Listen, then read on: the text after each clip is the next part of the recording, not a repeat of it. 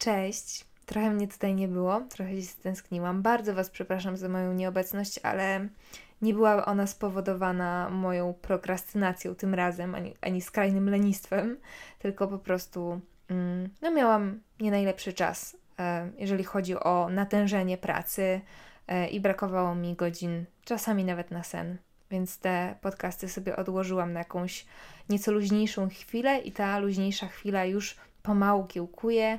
Jutro wyjeżdżam sobie e, do domu na święta. Nie posiadam się ze szczęścia. Mam cichą nadzieję, że wreszcie się wyśpię, ale dzisiaj nie o tym, bo dzisiaj postanowiłam wrócić do Was z moimi niewidzialnymi przyjaciółmi.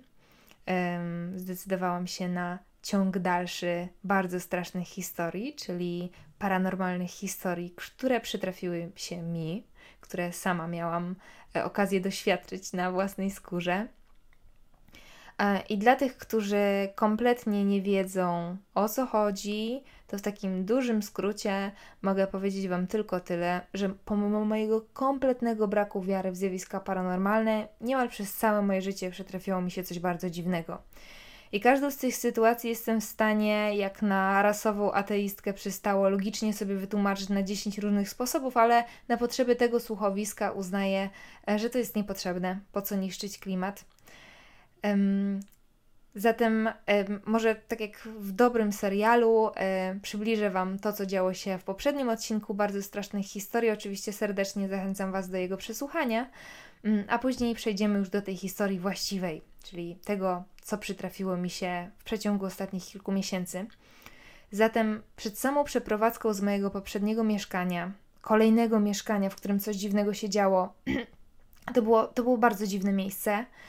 Um, i te, te sytuacje takie mm, pokręcone, niewyjaśnione działy się praktycznie codziennie. E, poprosiłam niespokojne dusze, jak zwał, tak zwał, zawsze czuję się jak wariatka, kiedy mówię o takich rzeczach, e, o to, żeby zostały tam, gdzie są. Bo generalnie wysnułam sobie taką teorię, że one po prostu za mną z mieszkania do mieszkania wędrują, więc czas najwyższy, żeby się pożegnać. I podziękowałam im za towarzystwo, poprosiłam je o to, żeby zostały tam, gdzie są, a ja będę mogła spokojnie zmienić lokum. I w odpowiedzi na te moje słowa usłyszałam dwa uderzenia długim paznokciem w kuchenny blat. E, I właśnie te historie opowiadałam w poprzednim odcinku bardzo strasznej historii. I kiedy to się wydarzyło, zastanawiałam się, co tak naprawdę to oznacza. Czy to jest na tak, czy to jest na nie, czy po prostu mi się przesłyszało. I, i przeprowadziliśmy się do kolejnego mieszkania. Mm, dosłownie dwa dni po tamtym zdarzeniu, po tych, po, tym, po tych puknięciach w stół w blat kuchenny. I to jest mieszkanie przechodnie. My mieszkamy w nim od maja, mieszkamy jeszcze przez kilka miesięcy i później już przeprowadzamy się do tego naszego gniazdka. O nim w ogóle też muszę Wam opowiedzieć, ale to już może um, kiedy wreszcie tam się nam uda um, przeprowadzić, już dokonać tej wędrówki ludów. To nie jest łatwy proces. Strasznie chciałabym Wam o tym opowiadać, ale jeszcze nie teraz. Chwilę nam to zajmie, jak się uda, to wtedy, jak się nie pozabijamy w tym całym procesie, to wtedy Wam popowiadam wszystko co i jak. Więc teraz przenieśmy się y, w historii do, y, do momentu, kiedy się już przeprowadziliśmy, do tego mieszkania, w którym mieszkamy obecnie. Jest kilka dni po przeprowadzce, jest poranek, Marcin wyszedł do pracy, ja jeszcze dopijałam sobie kawę i też za, zaraz miałam wychodzić. I nagle poczułam, jak bezwładna ręka opada na moje ramię. Jakby ktoś, jakby ktoś próbował mnie po ramieniu dosyć mocno klepnąć, tak jednorazowo. I nie wiem za bardzo, jak Wam to wyjaśnić, ale mój mózg w pierwszym momencie postanowił absolutnie nie przejąć się tym faktem, tylko wyprodukował bardzo wyraźny impuls, właściwie takie polecenie: idź do drzwi, idź do drzwi, idź do drzwi. I niewiele myśląc, wstałam, Wykonałam to polecenie i okazało się, że Marcin wychodząc wcale ich nie zamknął. Zatem przekręciłam zamek i dopiero wtedy posklejałam w głowie, co, mi, co się w zasadzie przed chwilą stało. Um, I że coś lub ktoś, albo jak lubię sobie tłumaczyć ja sama, moja podświadomość ostrzegła mnie przed potencjalnym niebezpieczeństwem. Oczywiście później nic złego się nie stało, nikt nie próbował się włamać. Ja wiem, że ta historia brzmiałaby wówczas znacznie lepiej, ale nic złego się nie wydarzyło. Po prostu zakręciłam zamek, e, przeszedł po moich plecach dreszcz, kiedy sobie uświadomiłam, co się przed chwilą stało, i to wszystko. I te ostrzeżenia to było coś, co zdarzało się tu kilka razy. Um, zwykle nie były to jakieś spektakularne rzeczy, zwykle były to po prostu myśli, które gdzieś wpadały mi do głowy jako takie szybkie impulsy, że coś muszę zrobić, coś muszę podnieść, coś muszę zamknąć. I bardzo często się okazywało, że na przykład czegoś nie zamknęłam, tak jak na przykład tych drzwi. Ale była też jedna historia, która, którą mogę zaliczyć do tych bardziej spektakularnych. Znowu mamy rano. Ja, ja tym razem wychodzę już do pracy, bardzo się śpię. Ja w ogóle się zastanawiam, dlaczego to, takie dziwne rzeczy przytrafiają mi się rano, ale może to wynikać z faktu, że jestem rannym ptaszkiem, mój mózg najlepiej działa właśnie rano. Jestem jednym z tych dziwaków, którzy wstają o 5.30, żeby pracować. Zatem ta nadaktywność mojego mózgu może powodować te różne dziwne rzeczy, ale przepraszam, miałam nie tłumaczyć w żaden logiczny sposób tego, co się dzieje. Zatem mamy ten poranek, Marcin wyszedł, ja też już wyszłam z bloku, y, założyłam słuchawki na uszy, puściłam jeden y, z moich ulubionych kawałków na Spotify, angielsko, języ- anglo, anglo, angielsko, anglojęzyczny, anglojęzyczny, przepraszam, polski język, trudny język. Strasznie mi się śpieszyło, więc dosyć szybko kroczyłam w stronę przystanku i nagle w słuchawkach o Jezu, to naprawdę będzie brzmiało niedorzecznie. Jeżeli nie jesteście mi w stanie uwierzyć, to po prostu uznajcie to za ciekawą bajkę. Ja nie mam zamiaru niczego zmyślać. Żadna z tych sytuacji nie jest przeze mnie stworzona na potrzeby tego podcastu. Mm, ale faktycznie mogą brzmieć dziwacznie. Ja bym nie uwierzyła. Zatem usłyszałam w słuchawkach, tak jakby, tak jakby zaszyte w, słowa, w słowach piosenki, e, znowu powtarzam, angielskiej piosenki, słowo wróć, tak jakby ktoś mi wymówił je prosto do ucha, takim mocnym teatralnym szeptem, takie wróć. No i miałam, powiem Wam, dylemat, bo naprawdę byłam już spóźniona, ale stwierdziłam, walić to, wracam. Nie wiedziałam, właściwie to też był taki impuls, który niejako zmusił mnie do tego, żebym po prostu wróciła do mieszkania. I słuchajcie, wchodzę do domu i okazało się, że nie dokręciłam kurka z gazem. Mm, z kuchenki cały czas sączył się gaz, więc gdybym nie wróciła, to, się, to mogłoby się bardzo różnie skończyć. Jeżeli mam być z Wami szczera, to przy tym całym moim sceptycyzmie trochę mi się nogi ugięły wtedy, bo rzadko mam do czynienia z takim dziwacznym ciągiem przyczynowo-skutkowym. Zwykle coś zobaczę, coś usłyszę, ale nie ciągnie to ze sobą jakichś kolejnych wydarzeń. Tutaj miałam jakiś sygnał jakieś, jakieś wyraźne wydarzenie, tak? Zatem zakręciłam gaz, uchyliłam na chwilę okno, siadłam, e, podziękowałam, później się wkurzyłam na siebie, że kolejny, w kolejnym mieszkaniu zaczynam gadać do powietrza. No ale z drugiej strony, hej, podziękować chyba wypadało, prawda? Wiecie, co jest najśmieszniejsze? Że ja przy tych wszystkich dziwactwach, o których zaraz Wam jeszcze będę opowiadać spokojnie, e, czuję się tutaj bardzo bezpiecznie. Wręcz, hmm, wręcz dziwnie bezpiecznie, bo okolica nie jest ultramiła, budynek do najnowszych nie należy, mieszkanie jest usytuowane um, w specyficzny sposób, o którym mówić nie będę, bo nie mam zamiaru zdradzać swojej lokalizacji, ale jednocześnie jest mi tu dobrze. Tak jakbym czuła właśnie, że ktoś cały czas mnie pilnuje, jakbym jakbym była w gościach u kogoś, kto ugościć mnie potrafi. Może tak, chyba nie umiem Wam tego wytłumaczyć. Zostańmy więc przy tym, że, że czuję się tu bardzo dobrze. Czuję się bezpiecznie. Oczywiście niektórych, niektórym sytuacjom daleko e, do sielanki. Na przykład e, jedna z nich zdarzyła mi się wieczorem. Generalnie mm, nie mam tutaj biurka w tym mieszkaniu, więc pracuję w kuchni. Oprócz tego, że pracuję, mm, to się na przykład tutaj maluje, więc lusterko prawie cały czas stoi na kuchennym blacie. E, I któregoś wieczoru coś tam sobie dłubałam przy komputerze i mimowolnie zerknęłam właśnie w to okrągłe lusterko, takie wiecie, z Ikei. I jakby jakby zobaczyłam zupełnie inną osobę w tym lustrze. Patrzyłam na siebie, ale czułam, czułam się tak, jakbym wcale na siebie nie patrzyła, jakbym to nie była ja. I pomimo mojego jednak bądź co bądź niepokoju, uśmiechnęłam się do siebie. Zupełnie mimowolnie, tak jakby ktoś kazał mi się do siebie uśmiechnąć. Nie było to do końca zależne ode mnie. I to nie był mój uśmiech. Wiecie, każdy ma jakiś zestaw własnych grymasów, uśmiechamy się też w określony sposób. A ten uśmiech, który był wymalowany na mojej twarzy, widziałam po raz pierwszy. Oczywiście od razu zaniosłam lusterko do łazienki, generalnie starałam się zignorować sytuację, no bo w zasadzie czegoś się przestraszyłam. Własnej twarzy?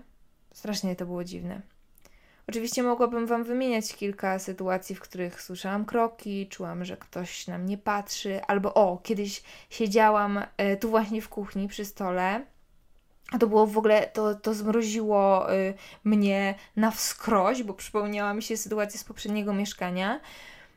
To był dźwięk, jakby ktoś uderzał paznokciami w stół. Mm, na takiej zasadzie, jakby na coś oczekiwał, jakby się niecierpliwił. Wiecie, takie rytmiczne uderzenie od, od małego palca, od małego palca do palca wskazującego, takie, zrobię to na telefonie, takie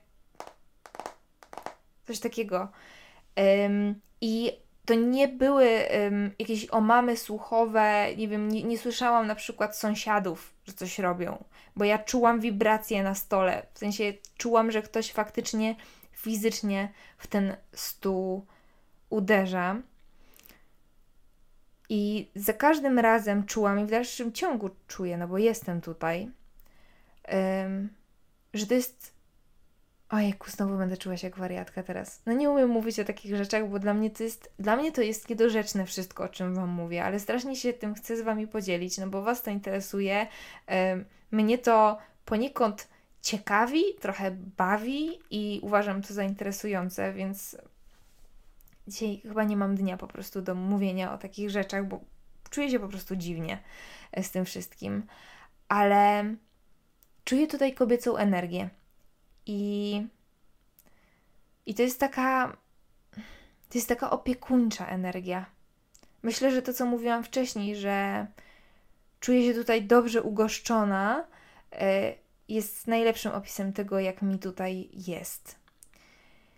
I teraz grande finale. Miesiąc temu wychodzę do pracy już zakładając buty przez wizjer widzę, jak moja starsza sąsiadka męczy się z drzwiami, tak jakby nie mogła ich otworzyć. Więc niewiele myśląc, e, wyszłam, e, no i pytam, pytam, co się stało, tak? I okazało się, że starsza, samotna pani ma drzwi zatrzaskowe, no i te klucze zostały po drugiej stronie. Ona tam wyszła na chwilę do piwnicy, wróciła, drzwi były już zatrzaśnięte. I straszna kicha, bo ona nie pamiętała żadnego, bo ja mówię, że może zadzwońmy do, nie wiem, do wnuków, do dzieci. Ona oczywiście żadnego numeru nie pamiętała, e, pod który moglibyśmy zadzwonić. Um, próbował, wypróbowałyśmy chyba wszystkie sposoby, które widziałyśmy w filmach akcji, nawet wsówką próbowałam w akcie desperacji te drzwi otworzyć. Nawet nie drgnęło oczywiście. A czas się kurczył. Ja musiałam lecieć do pracy. I tak się akurat zdarzyło, że Marcin miał chyba home office albo E4, w każdym razie był w domu i kiedy my walczyłyśmy z drzwiami, to on słodko spał, więc mówię sąsiadce, że pójdę po chłopaka i niech zadzwoni po ślusarza po prostu, nie ma innej rady. Więc zrywałam Marcina, zostawiłam go z sąsiadką i sama pobiegłam do pracy. Godzinę później dzwoni Marcin. Okazało się, że na tej klatce z sąsiadką stał dobre 40 minut, bo czekali na pana majstra, który rozbroiłby drzwi. No i sąsiadka od słowa do słowa zadała pytanie: A wy już zostajecie tutaj? No to Marcin mówi, że nie, że już niedługo idziemy na swoje i tak dalej, i tak dalej. I sąsiadka na to: Aj, bo to mieszkanie to nie ma szczęścia. No i Marcin już wiedział, że zaraz będzie jakaś bomba, ale pozwolił po prostu tej słodkiej staruszce mówić.